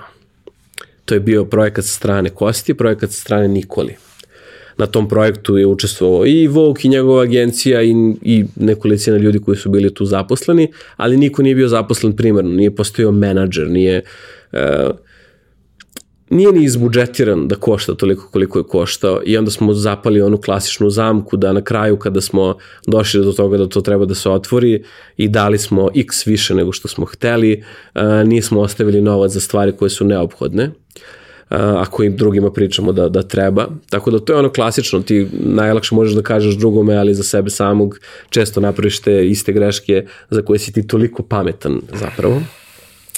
Tako da da, nismo imali tu ključnu osobu koja je bila, koja je to bio primarni posao. Šta više i da smo je imali, mislim da je u toj fazi morao da postoji neko ko ima i neki veći interes, u smislu, ne znam, neko koji ima neki procenat od projekta i plus platu i koji radi i kojem je to primarni posao. A verovatno da bi to uspelo na, na nekoj skali potencijala koje je imao je, mislim i sad tog potencijala, to je neka naša pretpostavka bila, ovaj, je moralo da se radi mnogo ozbiljnije. Nas su ljudi zavarali suštinski. E, tim inputima koje smo dobijali u pripremi i kada je počeo znamo neki sportiste, na primjer, koji profesionalno se bave u inostranstvu. To je bilo priča od, ne znam, e, hoće taj, taj da, ne znam, ono, otvori sa tim i tim u Parizu. Znaš, hoće ovaj u, ne znam, Nemačkoj. Znaš, I onda mi... Ko je escape roomovi?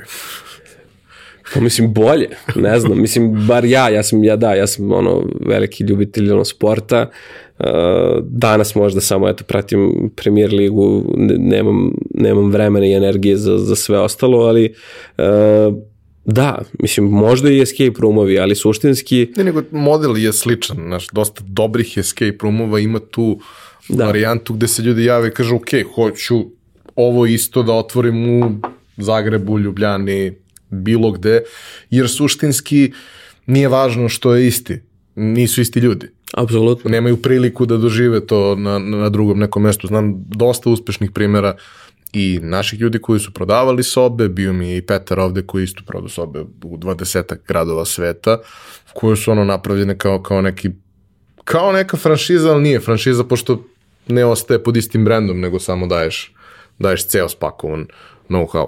S te strane, vidi, meni i dalje to deluje kao, kao dobra ideja, ali mi isto tako deluje da verovatno, mislim, nisam bio i verovatno ne bih otišao. I prošle godine sam imao tu situaciju baš sa, ovaj, sa drugarom, pošto jeli mi imamo taj uh, nacionalni problem uh, koji operator je u kući i šta možeš da gledaš od sportskih kanala. Pa ako hoćeš da gledaš NBA, a nemaš tog operatera u kući, možeš se slikaš prvih. Uh -huh. Mislim, možeš da uzmeš NBA pas, ali to nećeš uzeti ako gledaš dve utakmice mesečno. I uh, sedma utakmica Clippers i Dallas, Bob i Luka, ne možda ne gledaš to. Pritom, mislim, kako ti kažem, tradicionalno mrzimo Clippers, jel? Ove, ovaj, I kao šta ćemo da radimo? Pa kao, vrate, ajmo u kladionicu. Nismo bili 10 godina u kladionici. A u kladionici sigurno ima televizor na kome se to prikazuje. Odemo, drugar i ja, u kladionicu odgledali smo dve utakmice to, to veče i sad utakmica nešto, kladionica tra, radi do, do 4 ujutru blizu nam je fizički, ono, možemo, možemo se prošetamo jedan i drugi i kao seli, gledali su ono kao relativno jeftino piće, do, imaš ti servis tu koji je dobro ogroman televizor, sve je to super i kao uh, utakmica traje 11 i 45 je, ostalo je još 5 minuta koji, koji dolaze i kažu, znate, mi u ponoć zatvaramo. Ka, kako? Pa kao, znate, mere su, mislim, piše da radimo do tri, ali kao mere su takve da u ponoć moramo da otvorimo. Šta zadnji minut nećete mi dati da gledam. Ma kao, ostanite odgledajte do kraja, nego da znate čim odsvira kraj kao paljba. I ako možete da regulišete sve. Srećem, završilo se sve na vreme, sve kako treba, kao, znaš, ono, otišao sam u kladionicu, tad jednom, i nisam otišao posle toga nijednom više. Jer jednostavno, ne znam, da imam 10 godina manje išao bi češće ali ovako nije mi to convenient. Jedina stvar za koju imam ritual tog tipa je uh, Super Bowl. Mhm. -huh. Super Bowl koji jednom godišnje ću ja da se iscimam da odem kod ortaka, da se skupi nas pet i da gledamo to, ali to je ono kao, čak i da imaš ljude koje zanima to, ima jedan, jedan Super Bowl godišnje. Na da. jedan Super Bowl godišnje da, da se javi 50 ljudi da dođe. Onda mi smo tri sobe za Super Bowl ovako prodali. E, ali šta sad ostatak vremena? Kako napraviti da to bude relativno stabilno kroz, kroz vreme? Jako teško, znaš, i nismo imali benchmark nikakav, nismo znali na osnovu čega mi da vid procenimo. Znaš, mi smo rekli, ok, utorak, sreda, četvrtak, Liga šampiona, Liga Evrope, Euroliga, bit će to i sad neka projekcija. Mislili, na primjer, vikend je ipak glavni, sad vikend izmapirali u potpunosti i mislili da će nam vikend biti 0024. Ispostavi se na kraju kad smo radili evaluaciju pred negde kraj projekta da smo mi mnogo više imali radnih dana nego vikenda. Što je dosta interesantno. Da su ljudi dolazili radnim danima čak da gledaju nešto potpuno levo, tipa, ne znam, Leeds, Newcastle. Zato što je to je taj koncept, znaš, tebi je skroz ok da gledaš neku utakmicu koja nije od tolikog značaja, a da uživaš u tom ostatku sadržaja. Jer bilo je tu i potpisanih dresova i nekih knjige, imalo je, imalo je šta i kako i imalo je dobru energiju. Ali nažalost, da, priča se završava tada kada mi negde naginjamo ka tome već polako da e, je potencijalno predamo nekome drugom, prodamo, i osoba koja je bila zainteresovana da to zapravo i da se to zapravo i desi, recimo da u martu 2020. se dešava to drugo gledanje, vanredno stanje, stand-by i uopšte neću reći da je pandemija nama projekat uništila, zato što nije. Ali je bila jedan od razloga zašto je to stavljeno na stand-by, kasnije osoba odustala i kasnije smo mi samo prosto uspavali projekat i ostao je negde u portfoliju koja je jedna mnogo lepa stvar koju i dalje kao koncept ćemo možda nekome u budućnosti prodati, ali ništa više od, ništa više od toga. Uh, ono što je interesantno za Sport Rooms je u tom prvom, ajde da kažem, zaletu uh, su tri ogromne kompanije poverovalo u taj projekat suštinski na osnovu jedne male prezentacije i rendera arhitekte, što je bilo isto jako lepo i interesantno. Uglavnom oni čekaju da vide bar neku validaciju, neku potrošnju nečega. Suštinski mi smo imali, ne znam, sponzore Ligi šampione uh, kao imena zapravo svake od tih soba i i pored toga nismo uspeli da napravimo model koji je dugoročno, koji je dugoročno održiv. Tako da da, Sport Rooms uh, prelepa priča, ali možda u nekom drugom životu, u nekom drugom gradu, neki drugi ljudi. Drago mi je da si ispričao, zato što mislim da, da je vrlo, vrlo značajno, jer to je onaj moment koji često svakog od nas povuče, a to je joj što bih ja voleo ovo da imam. I onda ga napravim ko za sebe i ignorišem sve te korake koje ne treba da ignorišeš. Mislim, u nekom trenutku čak možeš da kažeš sebi, e, ne, čak me ne zanima da li će da bude profitabilno ili ja to želim da imam. Što je okej. Okay. Ali ako ga praviš kao biznis, moraš da ga praviš drugačije. E sad, pandemija je sahranila jedan projekat. Mislim, nije ga baš, ali jest. Uspavala ga je. Poslala ga je, da, na da. mesto. Gde je kuca, otišla je kuca u Pariz. U nemoj mi kuce, molim. O, uh, ali se tokom pandemije desilo nešto drugo. Projekat koji si pomenuo, gde je, da kažemo, zaštitno lice i najvidljivija osoba tvoja supruga. Uh, projekat koji je meni bio, mislim, u savršenom tajmingu, vrlo, vrlo brzo se desio što, što je jako važno, jer kao u tom trenutku prosto ko je brzo reagovao mogo i da napravi nekakav rezultat.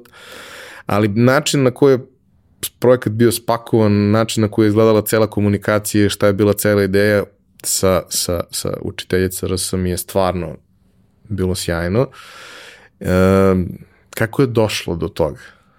Da, prvo, no, mnogo si negde pohvala ovaj, mi da u, uvodima svih pitanja do sada, pa jednom onako iskreno od srca da ti se zahvalim na svemu što si rekao, a pogotovo za edukativni centar učiteljica. Došlo je tako što uh, Sonja i ja uh, u trenutku kada je krenulo vanredno stanje i lockdown, dolazimo u situaciju da ja radim od kuće, a njoj je nedelju dana pre toga, u petak, istekao ugovor, uh, ona je bila učiteljica na zameni u osnovnoj školi jednoj u Beogradu. I samim tim mi dolazimo do nekog zaključka da postoji velika šansa da ukoliko ovo postane nešto ozbiljno, kako je delovalo, ona sigurno do septembra neće imati posao. E sad, egzistencijalno gledano, nama to nije bio, znaš, kao da, da ona mora da radi nešto, ali e, nismo takvi ljudi da nam je okej okay da sada, pogotovo zato što sam ja kod kuće celog dana i radim od kuće, njoj bi to bilo neodrživo. E, I mi krenemo da razmišljamo u pravcu šta bi ona mogla da radi. I recimo da to aktiviranje tih privatnih časova i rada sa decom privatno je bila jedna od ideja. Druga ideja je bila da se možda malo više aktivira u Evoke-u, zato što htela ili ne htela, ona već godinama u Evoke-u je u nekoj ulozi uh, lekture, copywritera, ona je osoba koja je na photoshooting nosila pravopis srpskog jezika, to je, to, to je ta osoba i treba svako da je ima.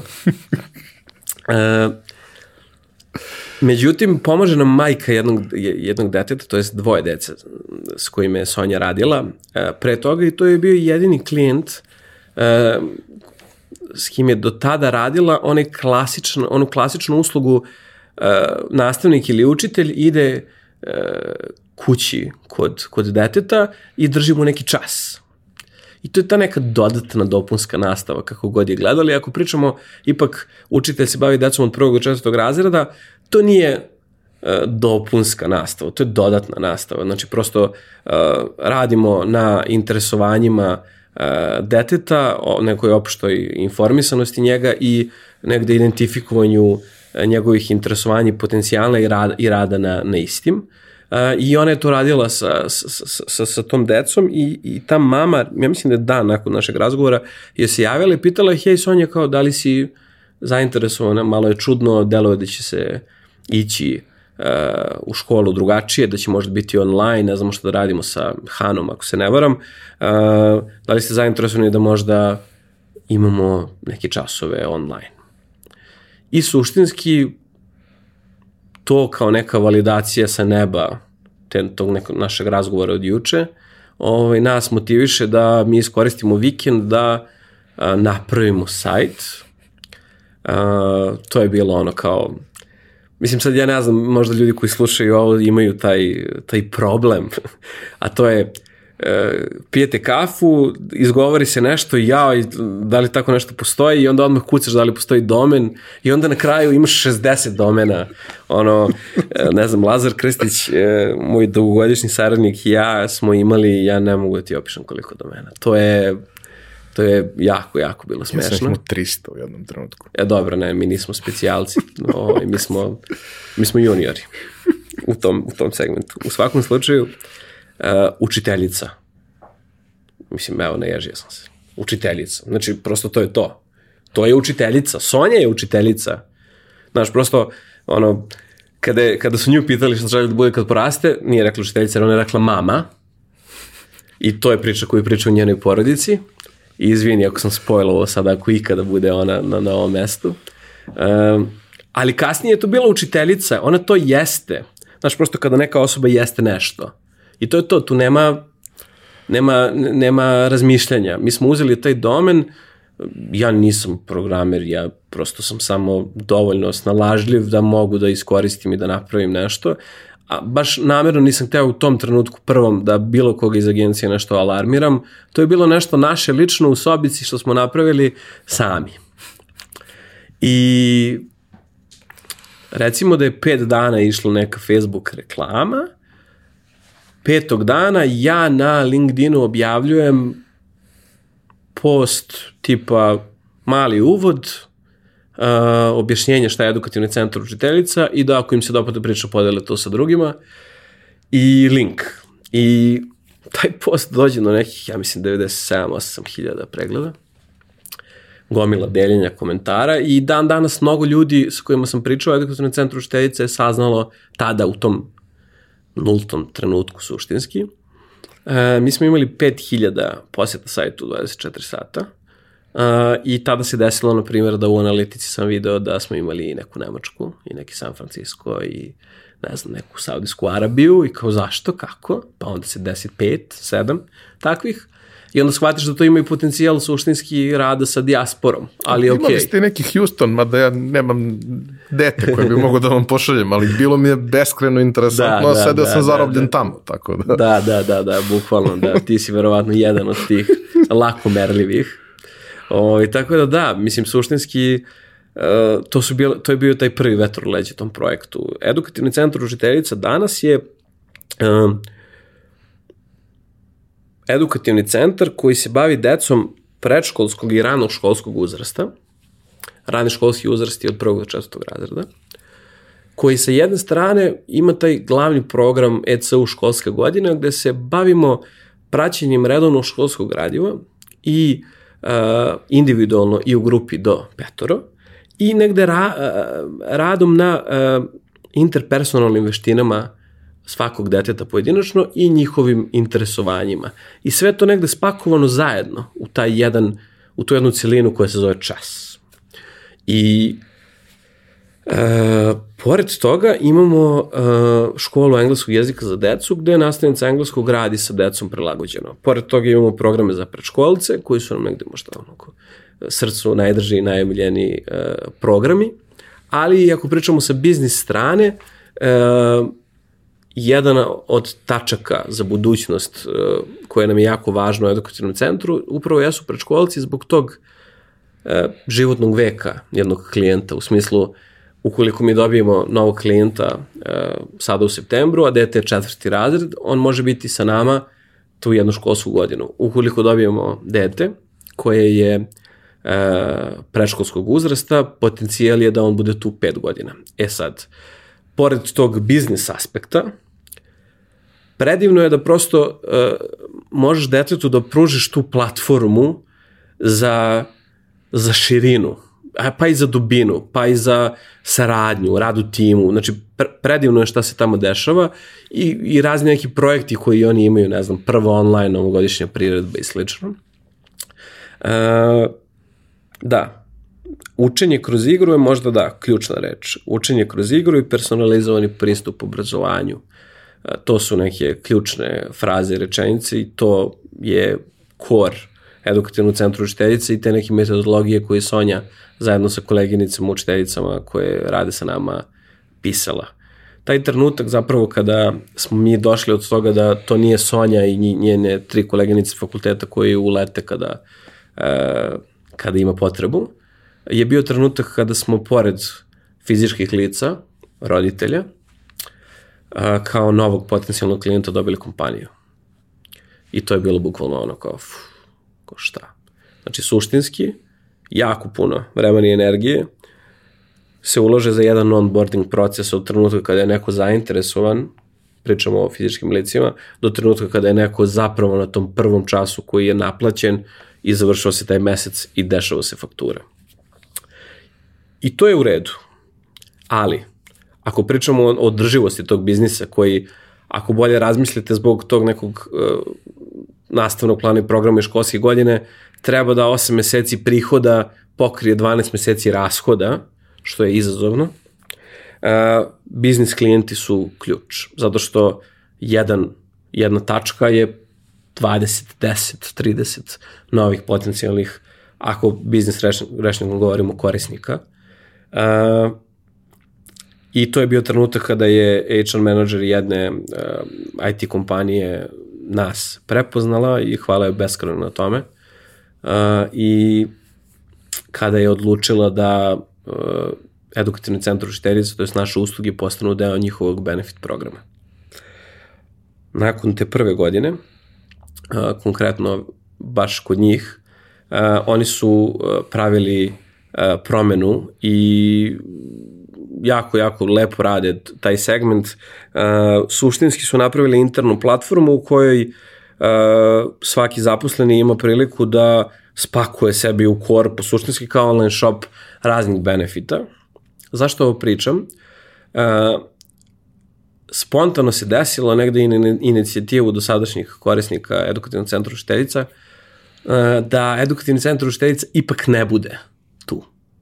Nego da bude benefit koji mogu da iskoriste njihovi zaposleni koji su roditelji, nevezano od ovoga. Znači, svakako mogu. Znači, suštinski kao neki dodatak koji se podrazumeva. To je nama, mislim, ja ne mogu ti opišem koliko značilo, jer ok su ankete, ok su, ne znam, kvalitativne istraživanja, jedan na jedan razgovor, roditeljski sastanci. Mi stvarno tu puno naučimo i s toga nešto možemo da... Roditeljski sastanci, da. Imamo izbornicu petkom. Znači sve te neke ovaj, super zanimljive ovaj, stvari. Pozdrav za cijelu ekipu uh, izbornicu. Uh, da, i, i, i mnogo toga naučimo, ali uh, taj potez koji su oni napravili je bio feedback nad feedbackima, mislim, feedbackovima, čuvenim feedbackima. I mnogo nam je značio i eto, na tim krilima mi se trudimo da dobijemo nekog novog. Trenutno je to negde, to negde u toku. E, nažalost, prodaja kao neka funkcija u edukativnom centru štedice još uvek nije e, došla na taj nivo. E, nemamo prodaju, kao istu. I dalje to radimo suštinski, mislim, Sonja, ja i, i, i ostale kolege. Uh, I bojim se da do trenutka kada ne odlučimo da napravimo taj korak napred, uh, će to i dalje biti malo na dobar glas, na sreću i na to što prati, ja mislim, svaki projekat sličnog tipa, uh, kada radiš kvalitetno, kada je krajnji korisnik na tom nivou negde zadovoljan i motivisan da dolazi da koristi to što ti koristiš, onda se dešava taj marketing od usta do usta koji nas vozi. I u teoriji, ukoliko želimo da to ostane biznis kakav jeste sada, to može da traje zauvek i ja sam siguran, ali zauvek. Ja ne vidim kraj pandemije i krize kao opasnost za edukativni centar učiteljica, zato što mi smo možda isprovocirani tim događajem došli na inicijativu, ali sve što mi radimo uh, je jako bitno nevezano od toga da li deca uče online ili offline, da li idu u školu, ne znam, 6 sati dnevno ili 4 sata dnevno. E, dobro, napravili smo neki presek šta ste radili u, u ovom prethodnom periodu, gde je sad taj projekat. Bilo je tu nekih raznih zanimljivih inicijativa koje su uh, da kažemo, koji izlaze iz okvira onoga što je školski program i sve ostalo, nego se bave tako nekim specifičnim interesovanjima, kroz neke forme kurseva, letnjih školica, tako nekih uh mhm. -huh. stvari. Moja preporuka najtoplija da, da, da ljudi zaprate i tebe i, i Sonju na LinkedInu i na drugim mrežama sam centar, da bi bili u toku sa tim što se dešava, jer siguran sam da će pronaći nešto interesantno ovaj, za, za svoje dete, a uh, ja sam ubeđen da će to iskustvo za dete da bude sjajno. Mnogi od nas uh, nose neku vrstu traume iz školovanja, obično ne iz tih prvih nekoliko godina, većina učitelja i učiteljica su bili dobri, ali kasnije naš, mnoge stvari za koje smo možda bili predodređeni, u kojima bismo mogli da budemo sjajni, nismo to postali zato što nismo imali osobu koja nas je stimulisala ili smo imali osobu koja nas je vrlo ugušila u svemu tome i ono, zgadila nam na kraju dana. Možda taj, taj predmet ili tu oblast i nikad nismo završili u njoj. Ne bunim se, ne bunim se, ali možda bih se bavio fizikom da nisam imao iskustva kakva sam imao, na primjer. Neka sreća što nisi. Pa možda, možda. Uh, za kraj bih samo hteo da te pitam šta dalje? Ti jesi negde, ti si mlad, jo, još uvek najmlađi koji je bio ovde. Uh, I priča koju, koju uh, razvijate i ti Sonja i priča koju, koju razvijaš ti sa, sa timom um, kroz Evoke jeste mlada, ali mislim u našim digitalnim godinama više i nije toliko mlada, sad je to u nekom, nekom zrelom dobu i jedno i, i, i drugo. I šta je neki plan za dalje, jer postoji neki plan za dalje koji izlazi iz okvira onoga što si već pomenuo, to je da prosto napravili ste sistem, sistem vrednosti, sistem očekivanja, način na koji treba da funkcioniše agencija kao takva, ovaj, i želite da ostanete verni tome. Da, definitivno postoje uh, koraci dalje. Uh, možda ću započeti to sa digresijom na ovo što si posljednje rekao, a to je da često ljudi leče posledice, a ne uzroke i bave se posledicama, a ne uzrocima. Ovaj, upravo je to negde greška, bar iz mog ličnog mišljenja, uh, iz mog ličnog ugla, uh, obrazovnog sistema ovde. Uh, Uh, i mislim da je mnogo značajnije taj početak osnovnog obrazovanja, pa čak i e, predškolsko pripremni program nego što ljudi misle. Uh, što se tiče nekih naših e, planova, da, planiramo da se bavimo uzorcima, a ne posledicama i u nastavku. I, ajde da kažem, što se tiče i Vouka, da dođemo do tog trenutka da imamo pet stabilnih klijenata, pet ugovora u tom delu butik marketing agencije. Nakon toga sledeći korak je da taj kreativni studio, a, ajde da kažem, ima više projektno orijentisanih aktivnosti, a, kao i mnogi dizajn studiji i, i, i kreativni studiji, taj problem koji postoji u nedostatka tog mesečnog priliva i cash flow problemi koji oni imaju, zapravo mi ćemo ga rešiti time što imamo marketing agenciju koja je baza a, i onda je sledeći korak da se negde bavimo time i sve vreme paralelno sa time da radimo neke stvari u tom projektnom trećem delu. Mi sada, na primer, ne znam, evo, to niko ne zna, izložba RS, uh, digitalna izložba mladih grafičkih dizajnera, jedan, ajde da kažem, mali uh, projekat, jedna mala inicijativa, jedan mali doprinos koji mi želimo da, da, da damo, nešto što potencijalno će biti digitalno mesto za različite digitalne izložbe uh, ljudi koji nemaju prostor, uh, koji nemaju mesto na kome mogu da, da, da se izraze u tom nekom smislu. Uh, a što se tiče edukativnog centra učiteljica, ja mislim da je tu ključno, uh, iako postoje planovi, u smislu biznis planovi, ali ključno je da a Sonja je negde dala i sama sebi rok do kraja ove školske godine, da ona odluči da li ona jeste preduzetnik. Ili učiteljica. Ili je i preduzetnik i učiteljica, recimo. A, jer taj trenutak će definisati dalje korake. Ti dalje koraci ne znači da će edukativni centar učiteljica nastaviti da se razvija, možda čak naprotiv, samo prosto će to možda biti trenutak kada će uh, neko ono kao biznis segment i vođenje celog projekta otići u ruke nekoga ko će za to dobijeti neku platu ili na neki način neku, neku naknadu. I kad si rekao šta dalje, setio sam se da nekako u celoj ovoj priči i nema mi zameriti uh, Udruženje mladih privrednika Srbije uopšte nismo pomenuli, pa ako nije problem samo nije u ono problem. par uh, rečenica, uh, taj moj put je imao taj komercijalni deo i omladinski aktivizam i Recimo da kad je započeo i Vogue kao inicijalno, inicijalna kapisla 2016. Ja sam i taj deo omladinskog aktivizma u potpunosti isekao kao i projekte koje, sam radio, koje sam radio do tada. I sve te godine, recimo pet godina prvih i Vogue-a, na neki način to jeste nedostajalo. Meni lično, privatno. I ponekad uh, mi je to dopunjavalo to da negde gostujem, da nekad nešto pričam, predajem, ali nisam imao u kontinuitetu.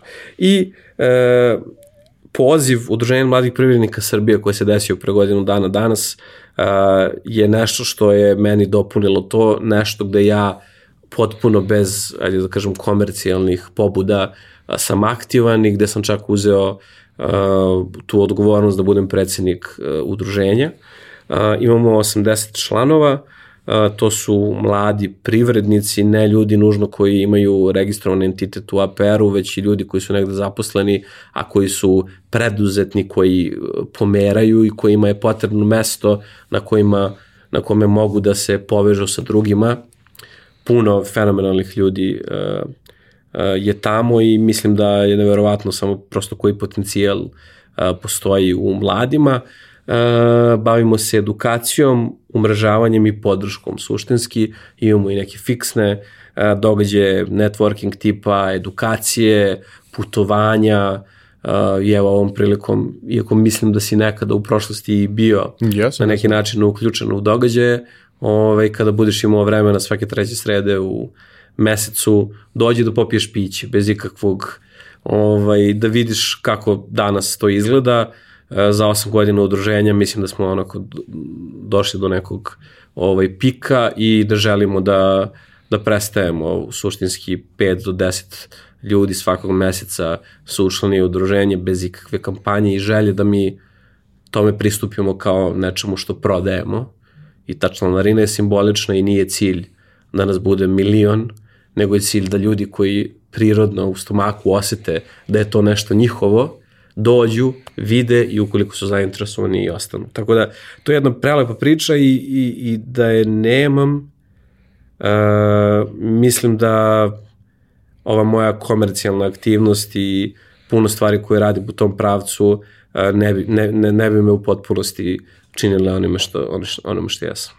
Da, uvek moramo da nađemo nešto što, što će nas raditi, a što možda nema veze sa poslom svako od nas nađe nešto što, što, što ga uče, neko ima sreće da možda to napravi i kao deo svog posla na neki način.